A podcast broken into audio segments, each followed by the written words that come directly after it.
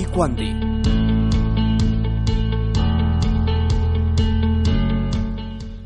Bona tarda a tots.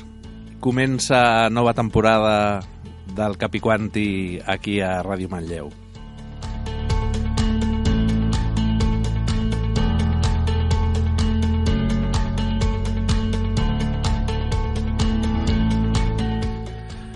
Avui és primer dijous i a diferència de la temporada anterior ens trobareu en aquest nou tram horari, a aquest nou dia del, del mes.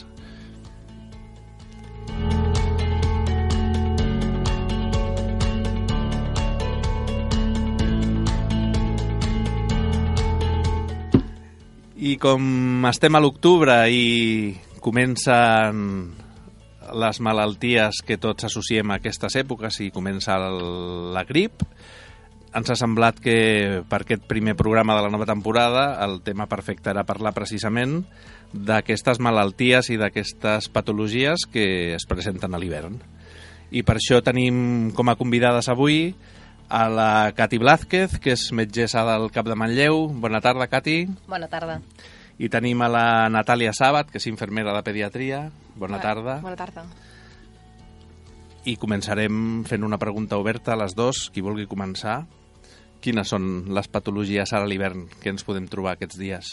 Sí, doncs bé, les patologies que ens trobem més freqüentment a l'hivern són els refredats, la grip, les bronquitis i les pneumònies.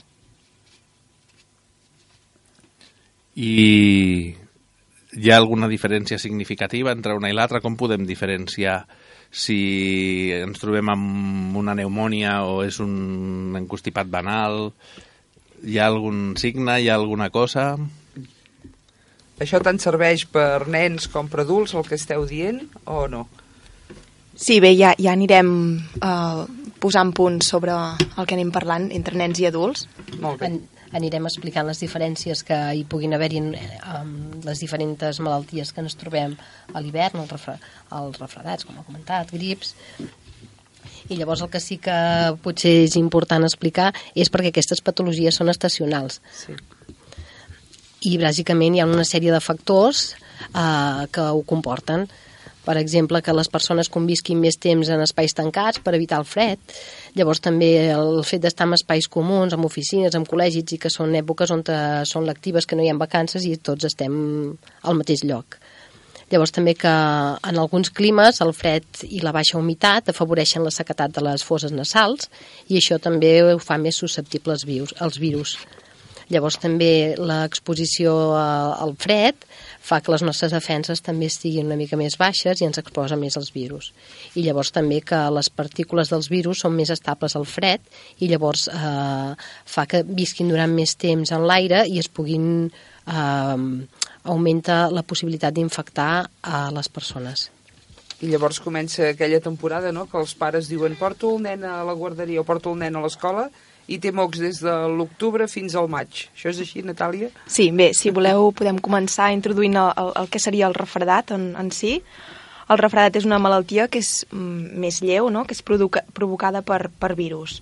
Llavors els símptomes dels refredats poden ser des de mocs, nas tapat o mal de coll, eh, mal de cap, tos, ulls plorosos, i acostuma a començar més pel nas, també pot provocar mal de coll, i al cap d'uns quants dies doncs, es pot arribar a curar sense tractament. Llavors es poden eh, patir en adults, estem parlant entre uns dos a cinc refredats l'any, amb nens evidentment doncs, és molt més freqüent i, i és això, no, no, no hem de confondre un refredat amb una grip, eh, després ja, ja en parlarem.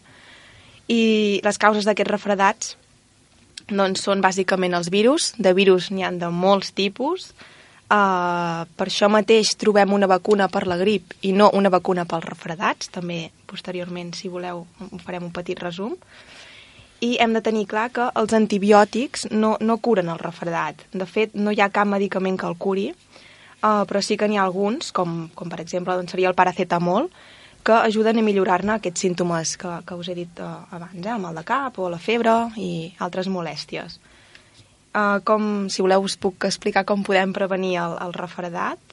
Uh, bé, doncs el refredat i la grip uh, són dues malalties que són contagioses i es contagien mitjançant les mans i l'aire. Per tant, és molt, molt important el rentat de mans, eh, fer servir mocadors d'un sol ús, per exemple, quan ens moquem, i eh, si volem tossir, tapem-nos la boca, si volem estornudar, ens tapem la boca, i si volem mocar-nos, llavors també és interessant fer servir un mocador d'un sol ús, val? i llavors doncs, llançar-lo directament sense guardar-lo per tornar-lo a utilitzar. També seria important ventilar l'habitació i l'habitatge diverses vegades al dia. Um, què més? Us podríem dir que si algú pateix refredat, doncs uh, descansar, beure molta aigua, sucs, brous, infusions són unes bones recomanacions per alleugerir els símptomes. Si no es té gana, no forçar, val? que sobretot en el cas dels nens, no, els pares són molt pesats, no? que mengin, que mengin, bueno, no cal forçar, uh, no fumar, uh, posar també sovint sueros fisiològics amb aigua uh, amb sal al nas, no? els típics rentats de nas, i per la irritació de la gola, doncs, pot, potser podem menjar-nos algun caramel sense sucre. I el típic que diuen, eh, una de les dues que diuen que els làctics no són bons per la mucositat, què diríeu vosaltres? No hi ha cap, perdó, no hi ha cap estudi que avali aquesta informació. Per tant, els nens poden continuar bevent llet i, a més, és, actuaria com, un, com un líquid, com si estiguessin bevent sucs i, sobretot, evitar, potser sí, els sucs eh, envasats que porten molts sucres. Uh -huh. I és obligatori, sempre que un té símptomes d'encostipat en el metge? Uh, evidentment que no. Mm. podem passar la grip, podem passar un refredat sense que, que ens atengui cap mena de professional sanitari. Uh, sempre que hi ha algun, algun dubte, qualsevol cosa, podem adreçar-nos al CatSalut Respon, al 061. Allà ens donaran tots els consells per curar-nos o per totes aquestes recomanacions que hem anat dient, eh? Sí. Sobre el refredat més comú, sobre la grip, val? Inclús, sí. in, inclús, inclús el farmacèutic ens pot donar alguns consells davant dels símptomes de la grip de la febre o malestar que puguem tenir. Llavors, sí? Jo volia preguntar, perquè a vegades sí que la gent quan es troben malament venen al CAP i directament demanen hora pel metge no? Hi ha moltes patologies d'aquestes que poden anar amb la infermera, no? que els pot tractar, els pot veure i que no cal que vagin amb el metge, tampoc. Sí, sí, oi tant que sí. Les infermeres estem allà per això, no? I després, si de cas, ja decidirem si el metge l'ha de valorar, l'ha de visitar o no. Llavors nosaltres també podem fer aquestes tasques. Totes les recomanacions. Exacte, tota... i tant que sí. Uh mhm. -huh. Hem parlat que havia encostipats i hem parlat que havia grip, no? De fet, la por és que el que tingui jo sigui una grip, no? Podem parlar una miqueta de la grip? Sí, mira, la grip també és una malaltia respiratòria infecciosa i està causada per un virus, el virus influenza, i també hi ha diversos eh, hi ha tres tipus d'aquest virus i alguns subtipus. És una malaltia que es pot presentar amb un gran ventall de formes. Què vol dir? Que podem passar a tenir la infecció sense tenir cap símptoma, o podem tenir quadres respiratoris i inclús quadres més greus. El que passa és que normalment sol, eh, no se solen complicar. Els virus de la grip circulen durant els mesos d'hivern al nostre medi i produe produeixen les epidèmies estacionals. Llavors, eh, el que veiem és que d'un any per l'altre els virus no són els mateixos i, per tant, moltes vegades hi ha anys que pràcticament no tenim grips o les grips són, no són tan, eh, donen tants símptomes hi ha anys també que veiem que afecta més potser l'aparell digestiu, que són més amb vòmits o amb diarrees, i d'altres que bàsicament és febre i malestar. I la, la vacunació antigripal seria la mesura de prevenció primària més efectiva per prevenir el grip i les seves complicacions. I això més tard ho acabem de, de parlar de les vacunes. Igual com el refredat, el grip es transmet a través de les gotetes que s'expulsen amb la tos i amb els estornuts, i la capacitat de transmissió d'aquests virus és un dia abans fins i tot que apareguin els símptomes i persisteix durant 5 dies després d'haver passat uh, la grip. S'estima que pot afectar entre un 5 i un 20% de la població en general i aproximadament és un 25% dels processos respiratoris en febre corresponen a la grip. Això què vol dir? Que dona lloc a un gran nombre de consultes mèdiques, de dies laborables perduts, com a conseqüència de la malaltia. També hi ha persones d'edat avançada o malalties cròniques, immunodeprimits, embarassades, nens petits, que poden patir la malaltia amb més gravetat. Per aquest motiu, la grip continua sent un problema important de salut pública. Quins símptomes són els de la grip? Doncs febre elevada, tos seca, mal de cap, mal de coll, dolor muscular, malestat general, i en alguns casos pot provocar diarrees, nàusees i vòmits. I veiem que aquesta és la diferència, sobretot, amb els nens, en què aquests símptomes són més freqüents que amb els adults. I es solen recuperar en general en 7 i 10 dies.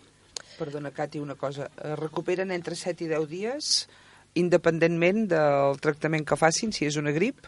Independentment. És el curs natural de la malaltia. Uh -huh. El que sí que podem Ara, explic, ara comentarem que no hi ha una medicació específica per la grip, intentem prendre líquids i paracetamol, bàsicament per trobar-nos millor.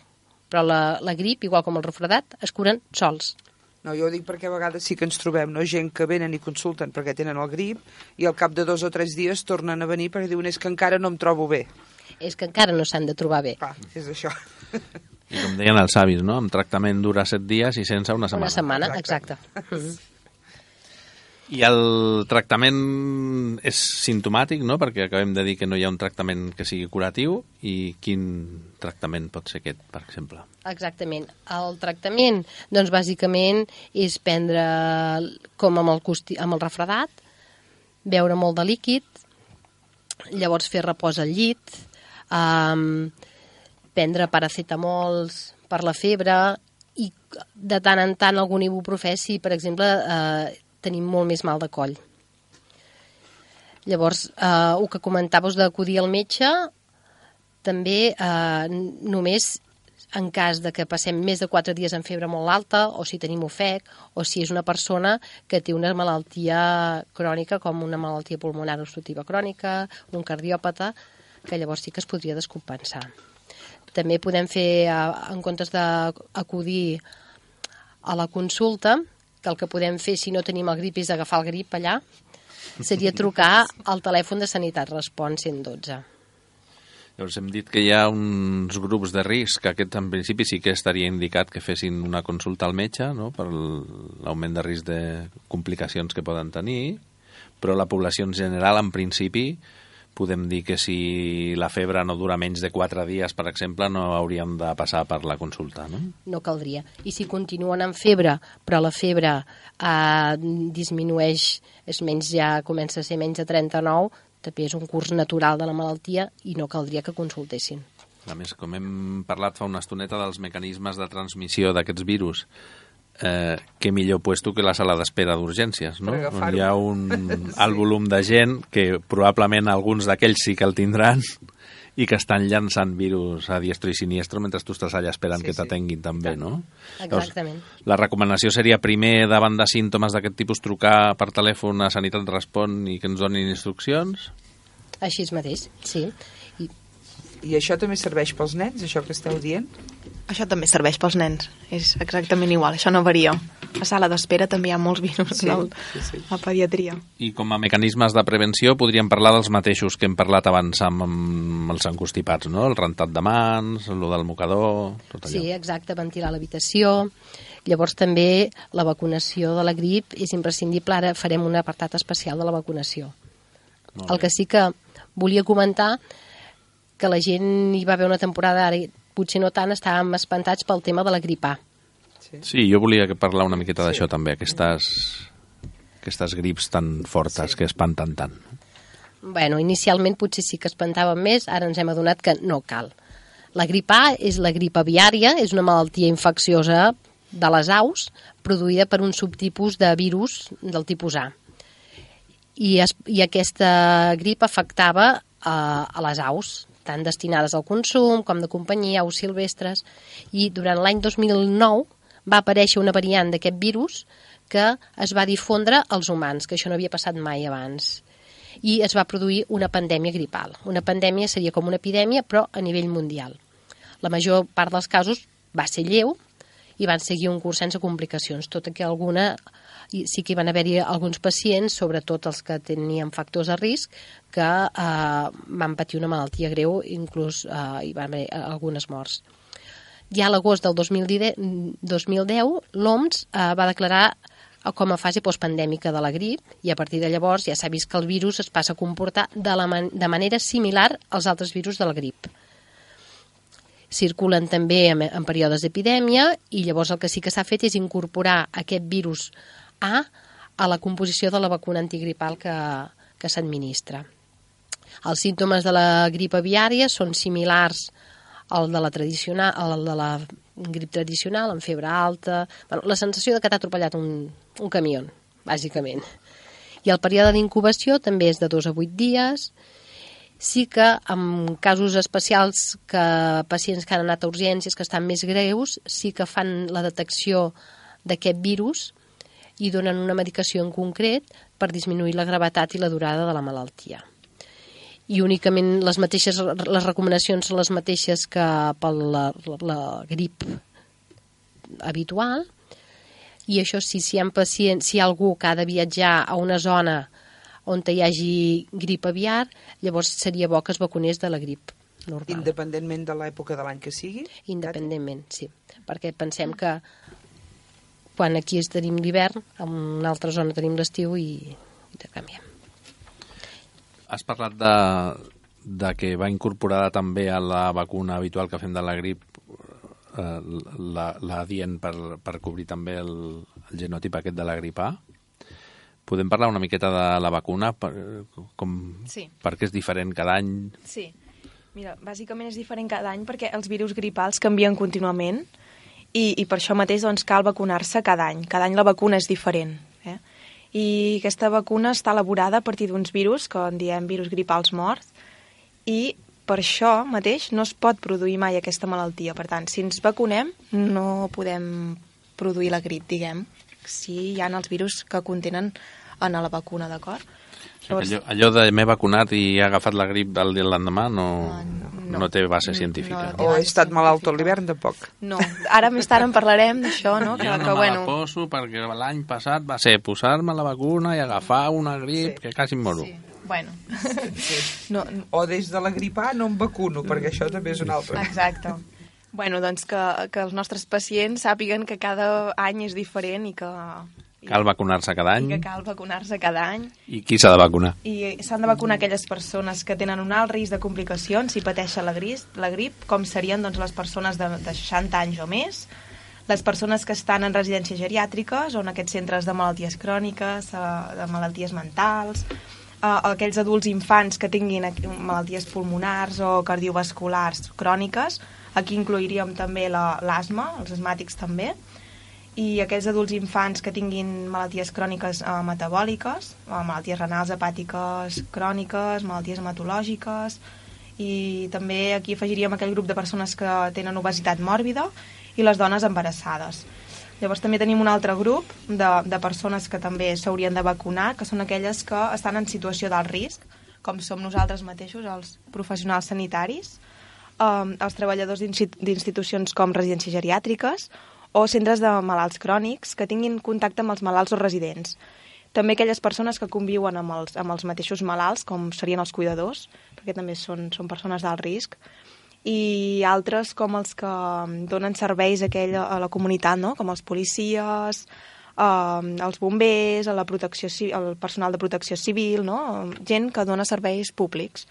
Uh, I també és important, això que ha dit la Cati, eh, dels viatgers internacionals, sobretot si viatgen a un lloc que hi hagi doncs, la, la, la grip A. Llavors, si voleu... Digueu. No, perdó, jo volia dir, els que viatgen, això ho poden consultar amb la seva infermera de capçalera, no? Exacte. Si el lloc on van val la pena que es vacunin. Exactament. Sí, poden demanar hora amb la seva infermera o fins i tot, doncs, via ah, les... telefònica. Uh mhm. -huh. Llavors, eh, diríem que la vacuna cal, on cal posar-la, doncs, evidentment, en el centre d'atenció primària. Dic que és un servei gratuït i, si voleu, us explico una mica els efectes secundaris que pot tenir aquesta vacuna. Uh, que no són gaires, eh? També s'han de dir. Un cop aplicada pot produir unes molèsties locals molt lleus que afecten tan sols entre un 15 i un 20% dels vacunats i molt rarament i molt ocasionalment pot donar febre i malestar. Per tant, els beneficis són... I aquesta febre i malestar és el que la gent potser confon en que he agafat el grip després de posar-me la vacuna. Exacte. Mm -hmm. Sí, llavors aquesta vacuna està contraindicada només en el cas que hi hagi una malaltia aguda, és a dir, si, si la persona en aquell moment té febre, uh, si està refredat podem posar la vacuna del grip, val? per tant no passa res i uh, si hi hagués hagut alguna al·lèrgia en algun altre any uh, a, a la vacuna de la grip. Llavors sí que no, no la podríem posar. I si ens hem vacunat, podem patir la grip? Uh, si ens hem vacunat, podem patir un altre tipus de, de, de, de virus que no està inclòs en la vacuna de la grip. Hi ha, hi ha anys que la vacuna de la grip no ha estat tan efectiva atès que el virus ha mutat i no està inclòs en, el, en la vacuna. I són anys on la, la vacuna no ha estat tan efectiva. Però, probablement, eh, la grip que es passarà serà de menor intensitat. Clar, o sigui, podríem dir que, tot i que hi ha una possibilitat de que encara que estiguis vacunat puguis tenir un quadre que sigui de la grip, no? el que estalviem de manera important i que per això recomanem que tothom es vacuni és el risc de complicacions, no? que va fent una pneumonia o de que va fent encefalitis. Exactament. Llavors hi ha alguna cosa que faria que una persona que s'hagi vacunat hagués de consultar l'any demà o al cap de dos dies de vacunar-se? Que li fes molt mal al braç, que tingués algun símptoma que no fos normal? En principi, si tenim dolor al braç, ens podríem aplicar una mica de fred, podem prendre una mica de paracetamol, a molt convenir, i si persisteix el dolor o la febre que apareix és molt alta, llavors sí que caldria que consultés. I hi ha alguna diferència significativa entre grip i encostipat per orientar una miqueta la població, aviam si... Uh, sí, bé, el, el, els, aquests símptomes que dèiem de la grip, uh, l'inici d'aquests símptomes apareixen més de cop a la grip. En el refredat doncs, és un inici més progressiu, més, més lent, més a poc a poc. Llavors ja hem dit doncs, que a la grip la febre és més normal, o sigui, a la grip hem, tenim febre, amb una duració màxima d'uns 4 dies. En canvi, en el refredat, doncs, aquesta febre no és normal. En tot cas, podrem tenir febreta.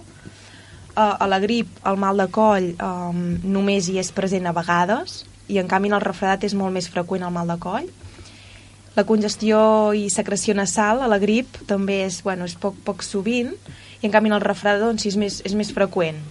Llavors, el, si parlem de la tos, uh, la grip és bastant freqüent, uh, pot arribar fins i tot a ser molt intensa i en canvi el refredat doncs, és més aspre, més lleu, més moderada.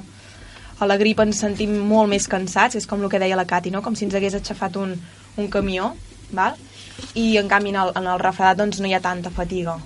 En el grip eh, tenim, no, no tenim tants, tants esternuts, eh, els aixabuiros, i el refredat sí que doncs, és, són més comuns, i sobretot el mal de cap, dic que a la grip també és, molt, és bastant més freqüent que no pas en el refredat, que, bueno, que també, hi so, també hi pot haver-hi, però que amb el paracetamol ens ho pot alleugerir bastant. Molt bé. Llavors eh, heu dit, clar, que sí que s'havia de consultar a vegades que hi han eh, pacients que la grip se'ls hi pot complicar, no? Amb una pneumonia, amb una bronquitis... Ens podríeu explicar una mica què és cada una d'aquestes coses? Sí, mira, uh, la bronquitis, igual com la bronquiolitis, són unes patologies que s'assemblen molt i també afecten les vies respiratòries. Les bronquitis afecten els bronquis més grans, que neixen de la tràquea i produeixen una obstrucció bronquial pel moc. I les bronquiolitis, en canvi, és una afectació dels bronquiols, que seria una part més prima, més fineta de l'arbre bronquial. I a diferència de la bronquitis, la bronquiolitis afecta només a lactants i a nens menors de dos anys. La bronquitis pot ser vírica o bacteriana, normalment és vírica. Sol aparèixer després d'un refredat i llavors els símptomes que apareixen sol ser a després del refredat, doncs llavors apareix tos, primer sense moc, llavors ja es fa amb, amb més mucositat, sembla que hi hagi molèsties per entrar als pulmons, inclús xiulets, i llavors sol millorar amb uns 7 o 10 dies, tot i que la tos pot durar més. Per tant, a vegades quan es ve la consulta per una bronquitis i és que l'he passat i encara continuo amb tos, pot continuar la tos durant dies. El diagnòstic bàsicament és per l'auscultació i per les molèsties que ens pugui explicar el pacient i no necessita cap prova mèdica en especial. No necessita cap radiografia. No, les bronquitis, si hi ha una sospita d'una bronquitis, no cal una radiografia. Llavors, com a tractament, mm, la majoria de vegades no cal ni antibiòtic, perquè eh, es tracta d'una infecció vírica, i malgrat que duri 8-10 dies no caldria tampoc donar antibiòtic. I el tractament sol ser per allejorar els símptomes, paracetamols, pel febre i malestar, alguns, alguns xarops per la tos, sobretot beure més aigua i infusions, i és fonamental que no es fumi, ni que el pacient fumi ni que fumin a casa. I en la majoria de casos eh, no és convenient prendre alguns xarops amb antihistamínic, que són per la tos, perquè el que fan serien com ressecar més les secrecions i empitjorar la tos. Llavors, la bronquiolitis és el que hem comentat, el que he comentat abans, que seria més aviat amb nadons i afecta vies respiratòries més, més estretes i està causada pel virus respiratori sincitial. Per tant, és un virus, no cal prendre antibiòtic. I els signes són molt semblants al de la bronquitis, també amb tos, febre... El que passa és que com són nens més petits ens trobem que hi ha cansament durant les preses, perden la gana, també poden tenir xiulets, dificultat respiratòria... Si ja estan més greus els podem veure que tinguin un tim blavós al voltant dels llavis o les puntes dels dits. I el tractament és sintomàtic. És, eh, els antibiòtics no són, útil, no són útils. Hi ha algunes recomanacions per als casos incipients quan comencen a tenir la bronquiolitis si no estan greus que, que poden passar a casa i aquestes recomanacions, per exemple, ara ens ho explicarà sí. la Natàlia. Mantenim el, el nen amb semi-incorporat al llit perquè no se'ns acumulin aquestes secrecions i el nen pugui respirar millor, és a dir, un, un coixit sota el matalàs, mantenir bona hidratació, sobretot molt líquid, el nen lactant no ha de deixar el pit, aconseguir la descongestió nasal mitjançant un aspirador nasal o aquestes, eh, els rentats nasals que dèiem abans, i també doncs, podem fraccionar les preses, oferir menys volum, eh? que, sobretot que el nen no, no, no es cansi. És fonamental això que dèiem, eh? mantenir eh, la lactància materna, no deixem de, de donar el pit. Molt bé, bé. llavors, eh, clar, és que aquests temes són tan interessants que potser hauríem de dedicar un altre programa. Un altre programa, sí, perquè se'ns ha fet de la patologia respiratòria amb els sí. nens. Eh, jo, com no tenim molt més temps fins al final del programa, el que m'agradaria és fer un repàs ràpid d'aquestes mesures que hem dit que podíem prendre per no contagiar-nos i recomanar que tothom es vacuni. Que tothom es vacuni, que al Camp Manlleu comencem la campanya de vacunació antigripal el 28 d'octubre fins al 31 de novembre, que tothom pot anar al CAP o trucar i demanar hora, que els hi donaran hora per vacunar-se. Que si un no sap si es té que vacunar o no, ho pregunti al seu metge o a la infermera. Exactament. I que... i que ja comença que... Sí, començarà el fred tot... i començaran els refredats, els grips, però bueno, segons ens han explicat la Cati i la Natàlia, ens ho hem d'agafar amb calma, no? Beure, una mica de repòs, i no sé si teniu alguna altra cosa per dir-nos. Bueno, potser insistir que els antibiòtics no són útils ni en la grip ni en el refredat, amb les bronquitis la majoria tampoc. Llavors, eh, davant del dubte de què prendre, el paracetamol seria el que estaria més indicat. I res, l'últim punt, no? que crec que també ho hem dit una mica, són els xarops pels mocs, que no s'ha demostrat l'eficàcia de cap xarop mucolític. Per tant, bevem molta aigua, molts líquids i no cal xarops. Molt bé. Molt gràcies. Bé. Moltes gràcies, Cati. Gràcies Moltes gràcies, Natàlia. Gràcies a tots. I fins al proper programa. Exacte, fins al mes que ve. Gràcies a tots per donar-se aquí. Adéu-siau.